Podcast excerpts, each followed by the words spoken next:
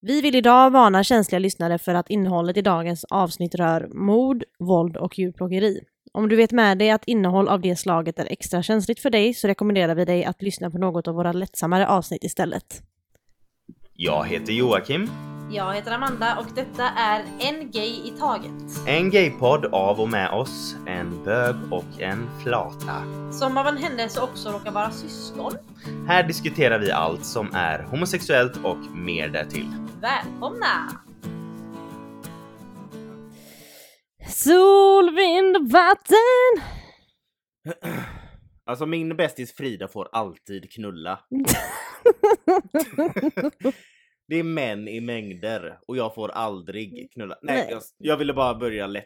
Alltså, Ja. jag, ville, jag ville börja med lite, med lite Lite humor. humor för att vi ska eh, ner nu i avgrundsvrålet. Vrålet. Alltså i ondskans eh, varma hand. säga. Nej, så att jag ville börja med lite lättsam, lättsamheter för det kommer bara gå utför nu. Ja, det kommer bara inte bli lättare. Nej, det kommer inte bli Nej. lättare. Inte heller det här avsnittet. Så att det är femte delen av hatbrott. Hatbrott nummer fem. yes, vi har ju en liten, vad ska man säga, miniserie inom podden där vi tar upp olika hatbrott. Yes, kan man säga. exakt. Ehm, vi ska prata om mordet i Killers Park. Ja, och eftersom det vi... heter inte Killers Park, det är bara det att det, det heter Killers Park. Men Ja men det låter... det låter, bara för att man läser Kill, Killers lät det låter lite mer så känns engelskt det typ. som man ska säga Park. Park, ja, precis. inte, Nej. Killers Park. Eh, på tal om att inte liksom starta lätt. Hur mår du? Jag mår bra. ja, ja. Det är ju liksom, eh, det känns som att eh, liksom solen eh, har kommit. Men det känns som att ljuset är på väg tillbaka. Det börjar bli lite vår. Nej men kan inte Känns- du bara sätta dig och skriva lite poesi? Nej, men, ja, men så här är det va? Att det känns som att det här har varit den längsta vintern i mannaminne. Ja, Nej men alltså, jag fyllde år i april, i början på april. ja. Och det brukar faktiskt ändå vara sol och fint väder och, och lite solstrålar i alla fall. ja fyller år. en enstaka i Ja, alla fall. Alltså, vad jag minns har det i alla fall inte snöat efter min födelsedag. Det är klart det har gjort någon gång. Men den här, det är inte bara det att det har varit liksom tråkigt väder den här april. Det har varit så kallt så att det liksom, kylan har satt sig i benmärgen. ja. Det Men det är liksom ingen ordning på vädret längre. Eh, panta era flaskor och eh, tänk på miljön. Har vi blivit den podden som sitter och pratar om vädret? Nej. Det verkar så. Jag har kände vi det. blivit de personerna? Vi har känt blivit varandra dem. hela varandras Ja, liv. tyvärr. Eller hela ditt liv. Och vi pr- småpratar om vädret. Men jag frågade dig hur du mådde och då började du prata, bara för att du tror att du är moder jord, så började du prata om vädret. Ja men alltså det är ju jättehemskt att lyssnarna liksom, att man sätter på den här podden och, bör, och så hör man liksom en väderlek. Ja, det var ditt fel. Eh, vädret är bra och eh, nyheter kommer klockan fyra. Yes. Nu kör vi. Vi ska till, på tal om vädret, den nästan varmaste sommar, sommaren eh, på väldigt, väldigt, väldigt, väldigt, väldigt länge då var sommaren 1997. Och det minns du. Det minns jag. Ja. för då var du nio. Då var jag nio år. Och så jag var bara minns två. det jättetydligt. Det var, jag minns alltså sommaren 97 var liksom det var då jag, det var min liksom Spice Girls högtid. Alltså, Just det, på tal om Spice Girls. Jag ska berätta en rolig grej innan vi dyker ner i eh, sommaren 97. Ja. Eh, det finns, har du hört om Wordle? Det här spelet det är ett ord om dagen man ska gissa sig fram till, så jag får alla samma ord. Nej, Eh, Skitsamma, det är i alla fall ett spel och nu nu har de... låter det som att vi är, vi är sponsrade, det är vi inte. Nej det är vi inte, jag ska... nej, nej, nej, gud nej. Men eh, så har de även gjort ett spel som heter Hurdle, där man får höra typ en sekund av introt på en låt och så ska man gissa vilken låt det är. Okej. Och då var det, eh, typ för två veckor sedan jag gjorde det, så var det när någon sprang med ett par skor. Jaha. Ja och jag Ja. och Felicia bara, du, Felicia bara kunde den direkt. Och jag bara, så lyssnade jag jag bara, ja men jag, har man växt upp med Joakim så Jag känner man igen de fotstegen. hon var ju inte ens eh, påtänkt. Nej men hon, du har alla tvingat henne att lyssna på den låten också. Eh, ja, men i alla fall. Sommaren 97, jag kommer ihåg den jättetydligt. Jag lyssnade sönder Spice Girls, Aqua, eh, Backstreet Boys. Det känns som att det var så här 90-talsmusikens bästa sommar. Så- Så känns det för mig. Mm. Jag ska inte förklara för någon annan. Men! Det var väldigt varmt. Det var en väldigt varm sommar. Den 22 juli 1997. Så jag ska säga, vi, vi, vi, det här är första gången vi, vi eh, befinner oss i Sverige i hatbrottsserien. Ja. Va? Ja det är det nog. Ja, och Ja. vi ska ju liksom inte bara, vi är ju liksom inte bara i Sverige utan tänker man vart jag bor så ska vi bara runt knuten. Ja ja alltså, Alltså, jag verkligen. bor precis nästan där det här mordet skedde. Ja ja alltså det är liksom- läskigt nära. Obehagligt nära. Jag har varit på den här mordplatsen, inte då, men jag har varit Har du alibi? Oh, alltså så många gånger. Det är så vackert där. Mm. Det är det som är så sjukt, men Ja. samtidigt läskigt för det, ja. Eh, för i alla fall, den 22 juli 1997 en, så är en 16-årig pojke ute och går, eller ja, han är där av Mm. någon anledning. Uppe på Killers Park. Och Killers Park ligger på Ramberget på Hisingen Mm. i Göteborg. Ehm, och, och, Ber- Ramberget utgör, alltså området där utgör liksom Killers Park och Killers Park, Park är ett välbesökt turistmål. Mm. Ehm, Jättefint. ja, det är Mm. jättefint och det är ju liksom Ramberget är ju det, det finns ju två olika höjder på Ramberget. Stora Mm. Ramberget 87 meter över havet och så ehm, där finns även området Ättestupan. En Ja. ättestupa är där man, ja men du vet, kastar ner kärringen man är trött på Mm. förr i världen. Ehm, För er som faktiskt vill veta vad det är så var det väl där de kastade ner folk, kärringar de trodde var häxor för. Ja, och även typ när det inte fanns ålderdomshem tror jag. Du vet, Ja, man blir trött det. på sina äldre föräldrar och Ja, bara, "Ah, man bara kastar dem inte." över kanten. Ja. Så att eh, vi får ju säga till mamma att hon får göra någonting åt sina knän annars så Annars, annars åker hon ner. Eh. Men i alla fall, eh, det stora Ramberget då, 87 meter över havet med området Ättestupan i sin sydvästra del enligt Wikipedia samt lilla Ramberget som är 49 eh, meter över havet. Mm. Och Killers Park går väl runt lilla Ramberget, alltså det är ju ett stort berg. Ja men det är lite olika höjder. nivåer. Och för alla Göteborgsfolk eller folk som har varit i Göteborg, det är alltså utsikten är Fabulous. Ja, alltså det är liksom Jag tror att det finns väl två sådana verkligen fina utsiktsplatser i Göteborg som jag tycker är väl där vid Masthuggskyrkan Ja, jag kan och säga det. eh, Ramberget. Ramberget, ja. Du ser överallt. Det, det, Mm. nej men det, och just på Ramberget är det så vackert för att det är vid Hisingen du, du ser liksom vattnet och, Mm. och allting. Ehm, nu börjar jag med min poesi igen. ja. Men i alla fall. Och väder och vind. Vi i Killers Park. Park. Fan alltså det blir... Men säg park, det låter Ja. lite läskigare. Ja, faktiskt. Där finns ett gammalt vattentorn. Mm. Det ser ut som en stor gammal familjegrav. Ja men såhär mausoleum eller vad det Ja. heter. Ja. Det är, alltså det är så fräckt. Mm. Men det ser läskigt ut. ja, det ser ut som ett sånt valv typ. Alltså, Ja. ja. det, är Mm. jätte, det är jättehäftigt men det ser läskigt ut. Ja. Ja. Ehm, Vi kan lägga upp en bild på det. Nej du har lagt upp en bild på det ja, på men vi Instagram. kan lägga upp en bild. Ja. Ehm, vid det här Ramberget, vid det här Ramberget, vid det här vattentornet på Ramberget i Killers, Killers Park går den här 16-åriga pojken. Eh, och han, det är liksom snirkligt med trappor och allt Mm. möjligt där, du vet såhär sten, alltså det är liksom, ja. Så han går där och går förbi det här vattentornet. Och vattentornet ligger liksom som i en sluttning. Ja. Eh, ja du vet ju, du har ju varit där också. Precis nedanför sluttningen, alltså precis bredvid Vattentornet. vattentornet, Ja. där vattentornet tar slut liksom, eh, ser han en man som ligger ner. Han tror först att det är en berusad person, någon Mm. som var full, har Mm. däckat. Mm. Samtidigt är det liksom, vad har en berusad person klättrat upp här? Men jag menar, där kan, det är ju många som sitter där och festar. Ja, och det är exakt. väldigt liksom Lite plats. avskilt och så också. Exakt. Mm. Men när han går närmare fram så inser han att det här är ju ingen full person utan personen är ju död. Mm. Eh, Jag antar att han ser blod och sånt. Mm. Så han springer till, hör och häpna, en telefonkiosk. Oj. Det är 97. Så att han hade ingen, på den tiden hade inte 16-åringar mobiler. Nej. Och inte 6-åringar heller. Nej. Men var det kanske en sökare om de Ja. var populära. ja, jag kommer ihåg vår äldsta bror hade en sökare när vi, eh, typ, det var typ vid den tiden. Ja. Ehm, I alla fall. Han springer till den här telefonkiosken. Och jag har lyssnat på P3 Dokumentär om det här fallet. Mm. Det jag rekommenderar alla att göra det. Det är Mm. amazing. Eh, och han, de intervju- intervjuar den här killen där. Ja, han Fast nu då- smittade som ja, vuxen nu då. Ja. som, nu som vuxen i början där.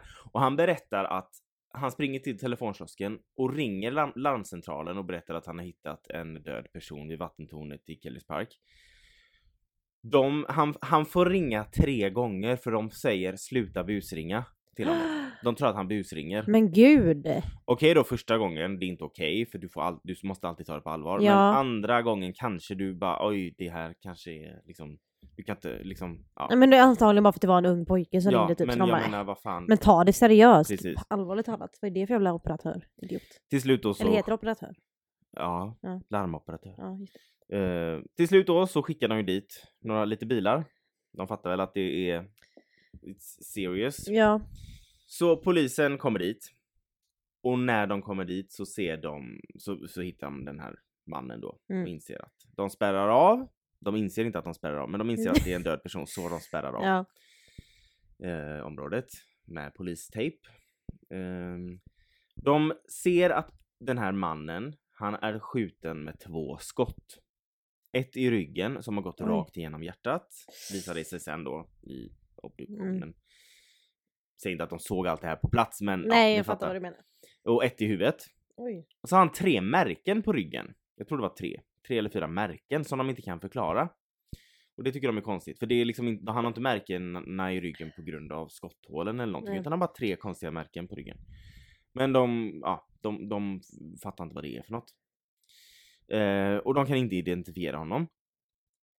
Till en början. Men eh, enligt P3 Dokumentären då så var det en poliskvinna då som kände igen honom.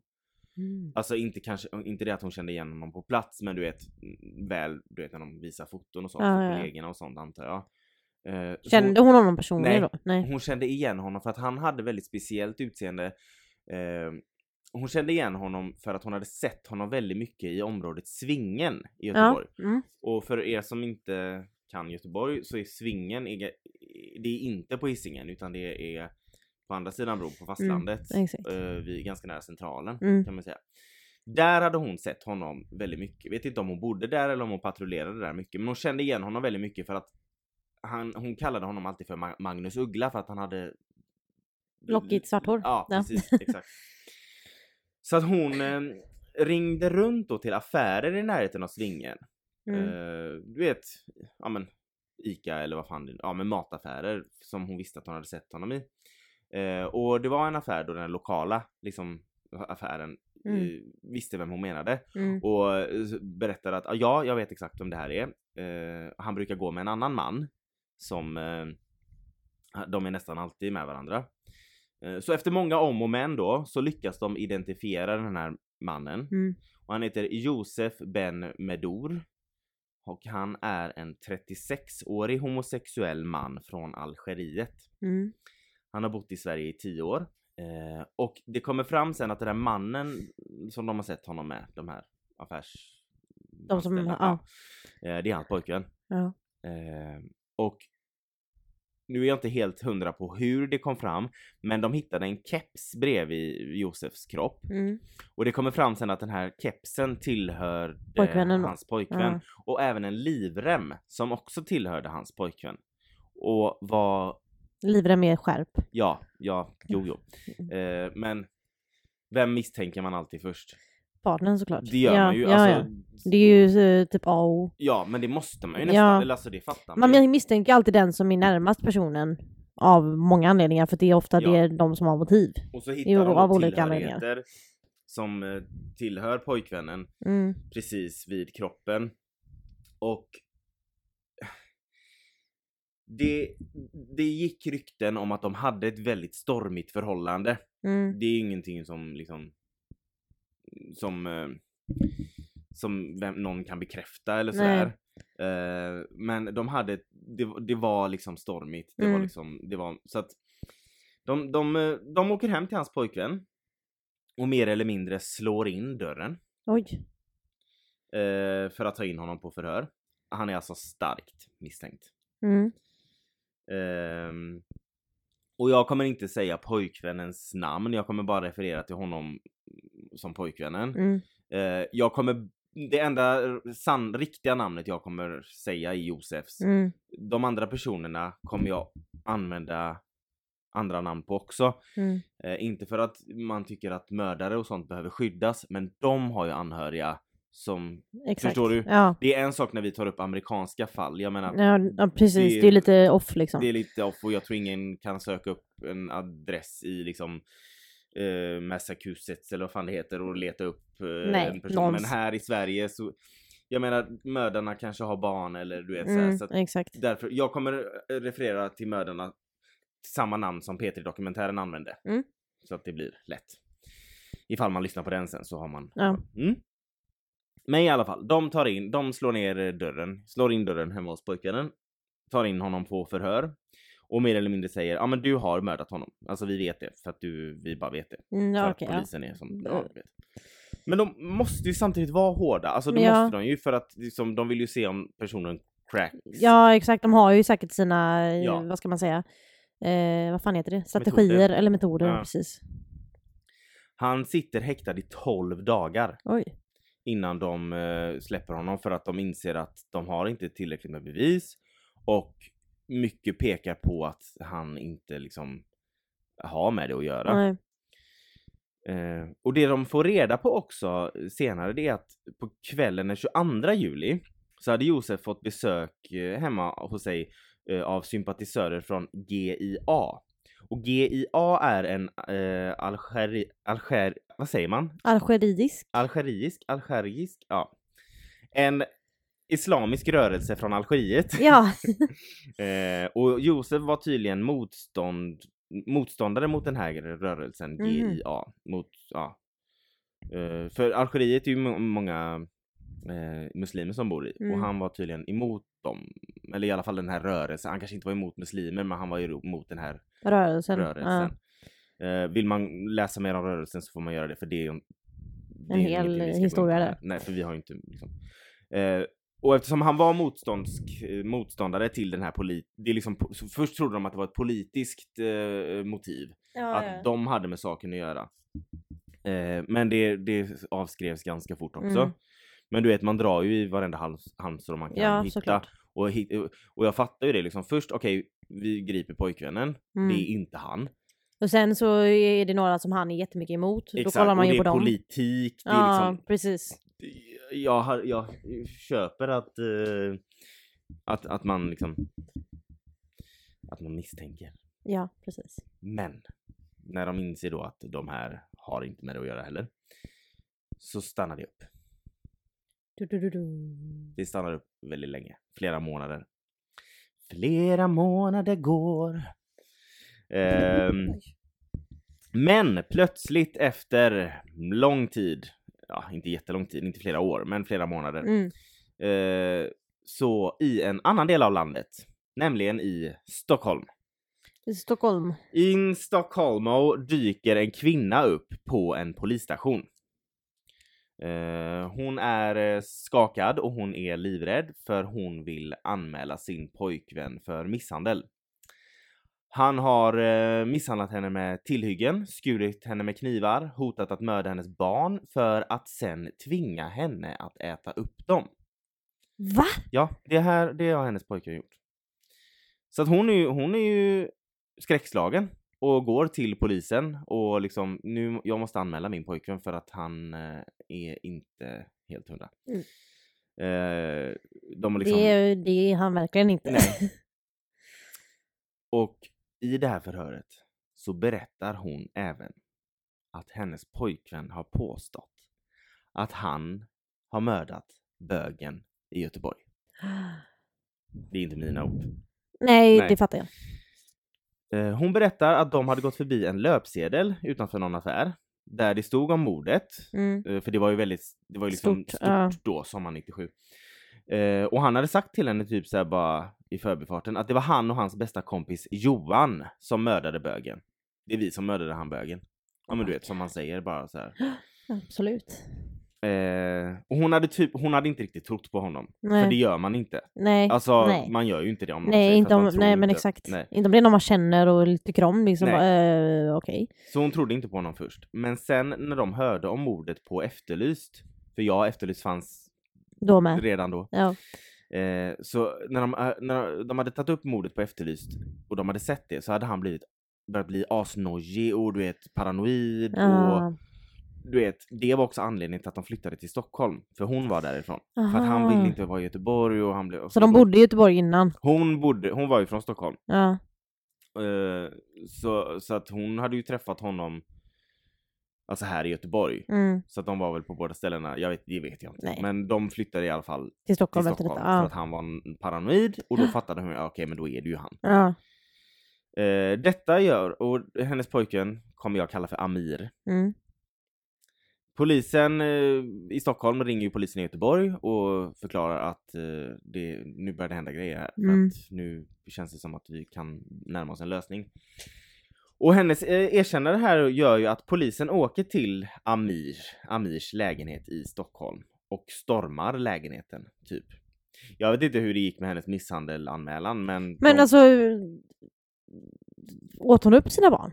Nej, han mördade inte hennes barn. Nej, han gjorde inte det. Han hotade med Han hotade med det, ja. barn och... Ja, okej. eh, Gud, jag ville, jag ville bara få det ja, löst. Ja, nej. Nej. Men, men jag, Jag tror att det blir lättare för det. Ja, nej. Eh, de åker till Amirs lägenhet, till hans adress i Stockholm, stormar lägenheten där, typ. Eh, och griper honom. Mm. På sig har han en laddad 9 mm pistol, härligt. som han har. Alltså han är bara 20 år typ. Oj, shit. Mm, så det är liksom, det är en ung kille. Eh, I den här lägenheten så hittar de eh, dödskallar och skelettdelar. Mm. Både fake och riktiga. För människor? Ja, Eh, ja. det kommer. Det Ja, kommer. Okej, ja. Alla frågor du har kommer. Kommer få bli besvarade. Ja. Ehm, sen då så eh, hon har ju berättat också att han har sagt att det är jag och min bästa kompis Johan som Mm. har mördat bögen. Så, de, så polisen i Göteborg åker ju för att gripa Johan i hans lägenhet i Göteborg. Då var han är kvar i Göteborg liksom. Ja. Mm. Även hemma hos honom, när de griper honom, så hittar de också skelettdelar. Äkta skelettdelar. Härligt. Men de hittar även en perm. Och i den här permen så är det flera namn och detaljerad information om olika personer. Men gud, var han Josef med i den här pärmen då eller? Nej, Nej. det var han inte. Nej. Så vad är det frågan om? Ja, det undrar jag med. det här är så sjukt. De här två killarna, Amir och, och Johan, de har typ, de kallar det för ett sällskap eller en order. Men du vet, typ Fenixorden. Jag tänkte precis säga det. Men det är inte det. Ehm, de har en cells, eh, en, det, det är ju en sekt Ja, de har. tänkte precis säga det för också. satanister. På den här Ah. tiden så var ju satanister, alltså det var ju inte så stort. Nej. Det kom, det började väldigt, det var tydligen väldigt stort i Norge, eller det var typ där det, det ser de i den här Mhm. P3-dokumentären, att där var det liksom många, ja men du vet, det, de dyrkade djävulen och de lyssnade på eh, dark metal eller vad fan det heter. Ja. Och de här då, Amir och Johan, de är djävulsdyrkare. Och har mer eller mindre en sekt där de har med olika personer. Ehm, de, det de hade i den här sekten, det var att de hade olika ritualer. Mm, som det brukar vara i sådana trevliga sekter. Ja. Eh, där man, och man måste ju offra någonting till Satan. Ja, såklart. Mm. De Som offrade man gör djur. på tisdagar. Ja, precis. Ja. De offrade katter, getter, möss och råttor och drack deras blod. Fy fan alltså, men på riktigt. Mm. Åh gud. Det är så fel på Och- vissa folk. Ja, jag vet. Det, nej men alltså, och det var ändå liksom det var många som hade varit med i den här sekten, eller många var det inte. Det var en del som hade varit med i den här sekten, men vad det verkade som nu så var det bara hon flickvännen då. Ja, var hon med i sekten? Ja, ja. ja. Eh, Amirs flickvän, Amir och Johan var typ, verkar som de enda kvarvarande. Mm. Men det hade, många hade liksom varit med och offrat lite kattungar och sånt. Mm, druckit men lite sen, blod. Ja, men sen när det började snackas om att offra människor också, då var ju folk inte lika. Mm. Nej. Nej. Oh my god. Och hur hade de riktiga skelettdelar? Ja, det undrar jag med. Mm.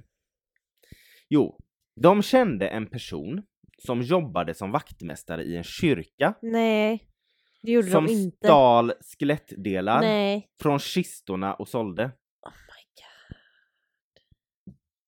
Men alltså, fattar du, eller? fan. Ah, nej men det är inte okej. Nej. Nej men alltså, Alltså, gud. fatta att folk har begravt Hall- sina nära ja, men- och inte... Oj, kanske inte begravt hela eller inget alls då. Nej, för att de, ligger hem, de delarna ligger hemma hos Amir och Johan. Oh my god, och är med i någon jävla ritual där de offrar en kattunge typ. Mm. Ja men fy fan, vi- vad, alltså nej men alltså gud vad sjukt. Mm. Och pärmen. Ja just det, den har Mm. jag frågat om också. Vad är det frågan om? Ja, Det var ju det vi frågade. Ja. Det var ju så vi kom in på det. exakt. Jo, i den här pärmen hade de ju som sagt detaljerad information om folk och namn och sådär. Och eh, det här var namn på folk som de ville offra till Satan. Ja, alltså ja. mörda. Mm, Okej, ja. Och även, eh, Den pärmen som alla har. det var liksom både vänner och fiender och eh, speciellt så var det namn på folk som hade varit med i sekten men sen hoppat av. Ah. Mm. Förrädare. Mm. Som sagt, det fanns även vänners namn med i boken, eller var Rachel, Phoebe och Joey. Japp. de, precis. Eh, för att så här var det. Efter att de hade mördat även alla sina fiender och alla sina vänner och offrat alla dessa människor till Satan så skulle de också begå kollektivt självmord. Jaha. För det skulle man typ göra tydligen för Satans skull. Ja, ja. Det hade de kommit fram till. Mm. Eh, så att, vad är vi nu? Jo, Amir och Johan sitter häktade. Mm. Eller de sitter på förhör i alla fall. Ja, Johan, vi går till Johans förhör. okej. Väl på förhör så fattar väl Johan att det här är rätt kört. Alltså Mhm. inte nog med att de har gripit honom för att de, han, han, Han har miss- kroppsdelar hemma. Ja, exakt. Först ska de gripa honom för att han är misstänkt för ett mord Mm. och sen hittar de kroppsdelar samt en perm med eh, liksom eh, planer Offer i, typ. för mord. Ja. Mm. Och Johan börjar berätta faktiskt. Mm. Så det, det är inte så svårt att cracka honom. Nej. Och han berättar så här. Johan och Amir. Nu går vi till dagen innan Mordet. mordet. Mm. Johan och Amir hade varit ute med två andra vänner och festat loss som fan med mängder av alkohol och amfetamin tydligen. De hade bland annat varit på porrklubb och ja men du vet, de hade ballat ur. Det var alkohol, det var amfetamin och det var säkert alla möjliga grejer. När de andra två vännerna sen avlägsnade sig och drog hem så ville Johan och Amir fortsätta festa.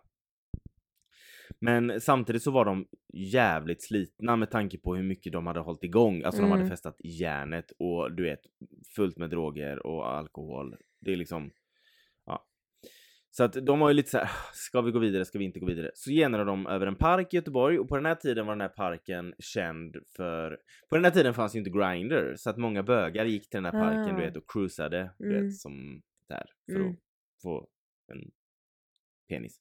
Eh, nej, eh, de går igenom den här parken för gays Mm. eh, och där får de syn på Josef. Eh, och Josef får syn på dem. Mm. Och nära till, alltså närstående till Josef har berättat i efterhand och även i P3-dokumentären här eh, som jag pratade om. Eh, att Josef var väldigt social och han var väldigt intresserad av folk som vågade sticka ut och som var unika och som såg Ja. speciella ut liksom. Han, han, han var väldigt sån. Mm. Och Johan och Amir stack ut på grund av sin klädsel för de var ju satanister. De hade jättelångt hår ända ner till liksom baken. Eh, nitar, läder, du vet. Ja men tänk dig en satanist. Ge mig bara Mm. nitar och läder. Och jag menar Ja. idag när du går med nitar och sånt där så är ju inte det konstigt men på den här tiden 97 Så var det inte lika vanligt nej, och så. gick Nej. du med nitar och långt hår och läder Så stack fan, du ut, Så liksom. stack du ut Ja. och då, då visste man också för att satanismen hade blivit så stor Mm. via Norge till Sverige och det hade liksom blivit så här. Såg du en satanist och bara oh my god han är satanist. det Ja, var liksom mm. så här, nu du vet. Du jag kommer ihåg när jag var liten så var det så här punkare Mm. pratade folk om och då, man skulle vara rädd om man såg en punkare. Oh my god, där är det. jag såg en punkare! Ja, vet. De ja. var inte farliga men man trodde det. Ja. Eh, och det var väl samma här. Så att han såg de här två människorna med nitar och långt hår och du vet satanistiskt utseende. Mm. Eh, så att Josef gick ju fram och liksom bara, åh vilket fint hår ni har och eh, började fråga dem bara är ni satanister och du vet men Mm. som han var sån. Ja. Alltså ja. Väldigt intresserad och han sa till dem att eh, han var intresserad av att lära sig mer om satanismen och hur det funkade. Han ville lära sig mer. Eh, och här började de irritera sig på honom. Mhm. Eh, och någonstans här fattar de även att han är bög. Ja. Och det stör dem något kopiöst. Ja. Jag vet, det, framgår inte någonstans om de fattar att han var bög för att det var just den här parken de såg honom i. Eller om de bara inser det. Eller om Mm. han säger det. Men De fattar i alla fall att han är ja, bög. det framkallar en reaktion av ilska och avsky hos dem. Yes. Det de gör då är att de på något sätt kommer överens om att lura med sig Josef hem till eh, Johans lägenhet på Hisingen. Mm. Ingen vet hur, men det, de, det gör de i alla fall. Eh, där, men, och jo, Josef vill ju, han, han är social, han är liksom, Mm. det här är mitt i natten, jag vet inte, han kanske har druckit själv. Det, ja, Ja, men, ja, han ville liksom umgås. han, ja, han var sån. Ja. Kul, typ. Mm. Eh, och så två satanister, det här är ju... Ja, folk lite häftigt, typ, ja. precis. Eh, det är dock svårt för dem att få med Josef på spårvagnen. För att Josef har fobi för spårvagnar efter en trafi- trafikolycka han har varit med om tidigare. Mm. Men på något sätt så lyckas de få med honom ändå. Så eh, det här förklarar ju ganska mycket att de verkligen, verkligen, verkligen vill ha med honom. För Mm. att han tvekar på att ens gå på spårvagnen. Och de får de ändå med honom får liksom. ändå med honom. Så det här är liksom, okej, vi ska göra någonting. De har bestämt sig för Exakt. att... Ja. Jag ska bara ta en klunk kaffe. Så. ASMR. Nej. ehm, Josef vill på spårvagnen då att de berättar som sagt mer om satanismen och lär honom. Mm. Och han fortsätter ta på deras hår. De stör sig som fan på den här Ja, man kan ju inte bögen. bli pillad på av en bög. Nej, precis. Det är ju det. Eh, och, till slut så går de av då. Det är ju inte långt från, eh, från stan till Hisingen med spårvagnen. Nej, nej, nej. Eh, och hållplatsen de går av på ligger relativt nära Johans lägenhet. Men när de väl kommer fram, då börjar Josef, enligt, det här är Johans utsago, Ja. eh, Josef börjar ana oråd. Alltså man märker att han... Börjar tveka lite. Ja, typ. det här är någonting inte som det ska. Så han vågar inte gå med dem in i lägenheten. Nej. Så, men de liksom bestämmer då till slut, ah, okej då visst, vi, vi, vi ska inte gå in i lägenheten, men du vill ju lära dig mer om satanismen, så vi ska lära dig mer om satanismen, Mm. du ska absolut få veta. Men, ehm, innan de liksom, för de bestämmer, ja men vi sätter oss vid Kaylis park då, uppe Mm. vid, vid det gamla vattentornet, där är ju fint, kolla på utsikten, så ska vi berätta för dig om satanismen och hur det funkar och ja, som sagt. Men innan de går till Kaylis park, för det ligger nära Johans lägenhet, eh, jag fick säga bara, oh my god. tänk Det blir så jag tänker om han bodde, bodde i din lägenhet. eh, men innan de går in, så, eller innan de går så springer Johan in i sin lägenhet snabbt och hämtar en elpistol. Ja. Mm.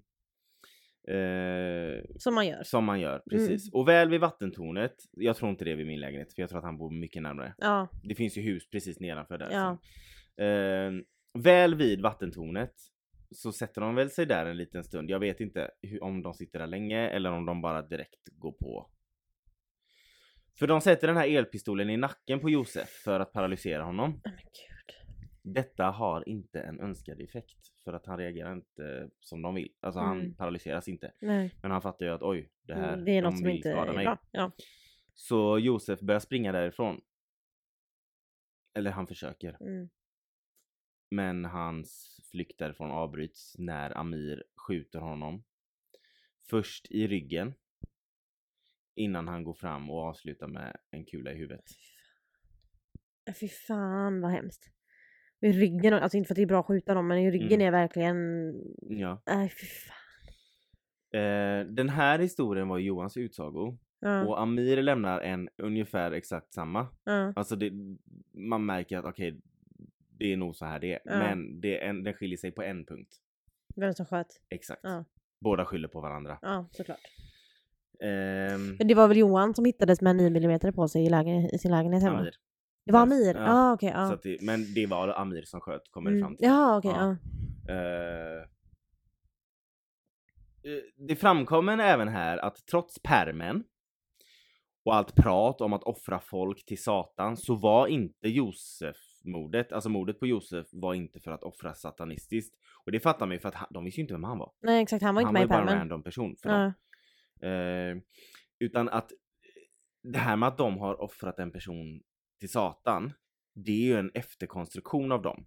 För, nu, Mm. då, för dem har det liksom varit, okej nu, har, vi- nu när vi ändå har mördat någon Så kan vi lika gärna använda han och ge han till Satan. det som att det var våran, för det var ju inte tanken. Nej, de, De gick ju för inte, nu ska vi leta, leta efter en person som vi kan offra till Satan. Nej, Det de här- störde sig på att han var bög. De störde sig på att han var bög.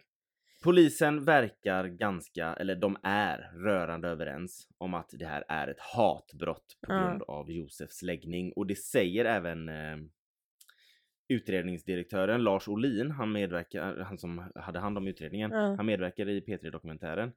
Eh, och han, även han säger det att det är liksom, det här är ju liksom ett hatbrott. Mm.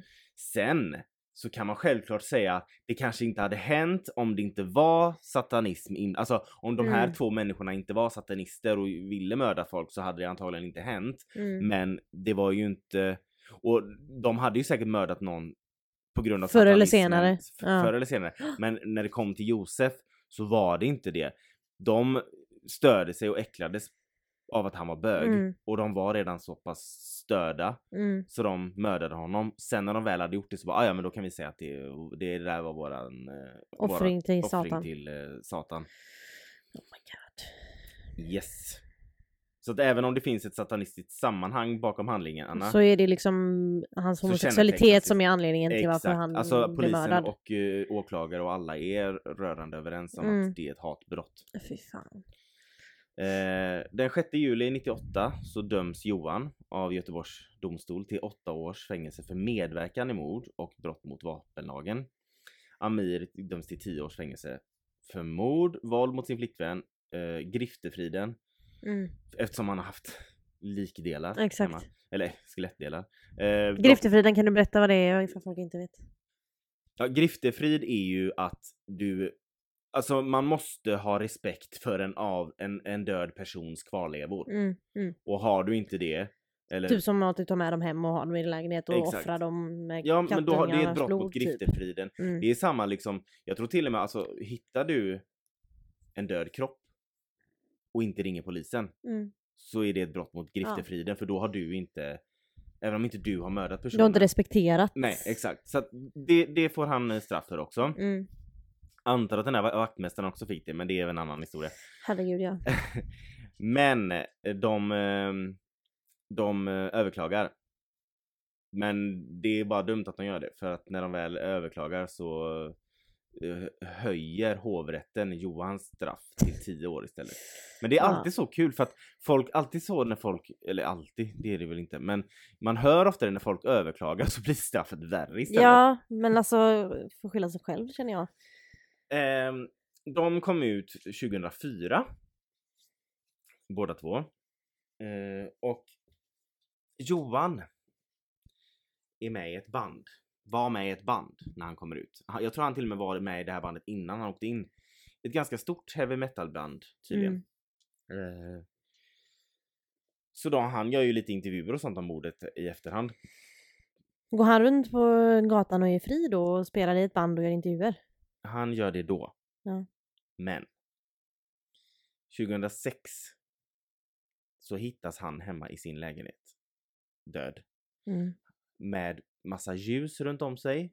Som att det har skett en ritual. Ah. Då har han alltså tagit självmord. Ah. Offrat sig själv till Satan. Ja. För det är tydligen det slutgiltiga man gör som satanist. Så att det man kan säga är att han han eh, slutade ju inte vara satanist Nej. även om han åkte in Nej. i fängelse. Och så kände han sig färdig så han bara, ah, nu ska jag åka till Satan. Tjoff.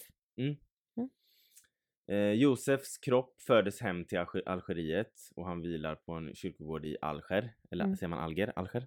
Jag tror jag. Eh, ja, så att eh, de var summa summarum. för ni som bara vill ha en snabb eh, genomgång. Spola hit. Nej, men de var satanister. De hade en satanistisk sekt där de offrade djur och katter. De ville offra människor. De hade en hel perm där de skulle med människor de skulle offra för att sen begå kollektivt självmord. De träffar en homosexuell man, äcklas av att han är bög, stör sig som fan, kommer överens om att lura med honom till ett så pass avlägset område som eh, vattentornet på Ramberget är. Skjuter honom i ryggen så det går rakt genom hjärtat, sen i huvudet. För att de äcklas av att han är bög. För, och det här är både polis och åklagare överens om att det här är ett hatbrott.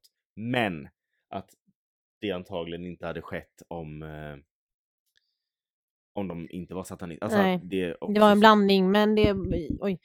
Förlåt. I grund och botten så är det ett hat. Alltså det här, det, allt det de gjorde med djur och eh, skelettdelar och sånt, det är ett brott inom satanismens Mm, eh, ramar. Mm. Men det här på Josef, det var ett hatbrott för att han Ja var just bög. för att hade de liksom velat mörda någon inom satanismens ramar om man Så hade de väl gjort det i, då om, hade det varit- hade någon i pärmen. mer planerat Ja, och någon i pärmen hade det antagligen varit, inte bara någon random på gatan. Precis.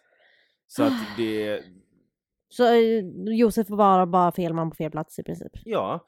Och ja, och vi vet ju inte. Eller fel bög på fel plats. Exakt. Mm. Och vi vet ju inte om de... Det har de ju inte sagt och det kan vi inte bevisa och vi kan inte svara på det heller. Eh, om de, för det här var ju en park på den tiden, inte Killers Park nu utan Nej, den där de parken träffar Josef. Ja, på fastlandet eh, där, där många homosexuella män gick. Mm. Vi vet ju inte om de gick dit för att leta efter en bög och ha ihjäl. Det vet vi Nej, inte. det, kan vet ju man inte. Vi kan ju Nej. bara, men eller om Josef som var så pass social som han var och gick fram och började ta på folk Mm. och sådär som han var. Men du vet Mm. folk är sådana. Mm. Typ, alltså vissa bara Ja, Frida. Ja, och, men de, de förtjänar inte att dö för att de går fram och... Nej, han var ju bara en precis. härlig människa Ja, typ, som exakt. var liksom Åh gud vad ni är fräcka! Ja. Eh, Du vet, vad långt och fint hår ni Ja, har. och sen så det spelar ingen roll, även om de gick till liksom parken för att hitta en bög och mörda, eller om Mm. de bara fick, fick för sig att mörda Josef för att han var bög, så är det fortfarande ett hatbrott oavsett. Ja, Ja. Så det är ju... och just också det här med att han liksom, ja det var jag som mördade han bögen i Göteborg. Ja, men precis, att typ jag som att han är knackade stolt över bögen i det. Göteborg Ja. som det hette, som man sa. Ja. Så att, ja, så han, La- Lars Olin säger där i, i eh, dokumentären som sagt att det här var ett hatbrott. Mm. Men han säger också bara, fast var går gränsen på hatbrott? Alltså, det är ju det. Ja. Men eh, han, men, och även åklagaren liksom det här är. Ja. Visst satanism, men det man, det är satanism och homofobi. Mm. Det är Exakt. det som är anledningen till, Till att att- Josef är död. Ja. Och satanismen går ju in där i att de här två nötterna eh, Vågar jag säga så? Ami lever ju fortfarande. Nej men jag tror inte han lyssnar på den här podden.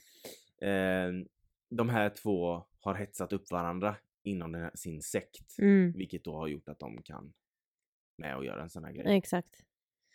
Eh, Fan vad sjukt. Ja, väldigt sjukt. Riktigt, och det är så läskigt på, eller alltså det är ju läskigt när man typ har varit vid det här stället. Alltså, ja, jag är alltså, du bor typ granne Ja. med den här och mordplatsen. det är jättefint. Ja, Alltså, men det är också ett sånt ställe där man, om man, alltid när jag gick powerwalks, som jag har tappat greppet om, eh, varje morgon Mm. tidigt förra sommaren, mm. då gick jag ju alltid där. ja.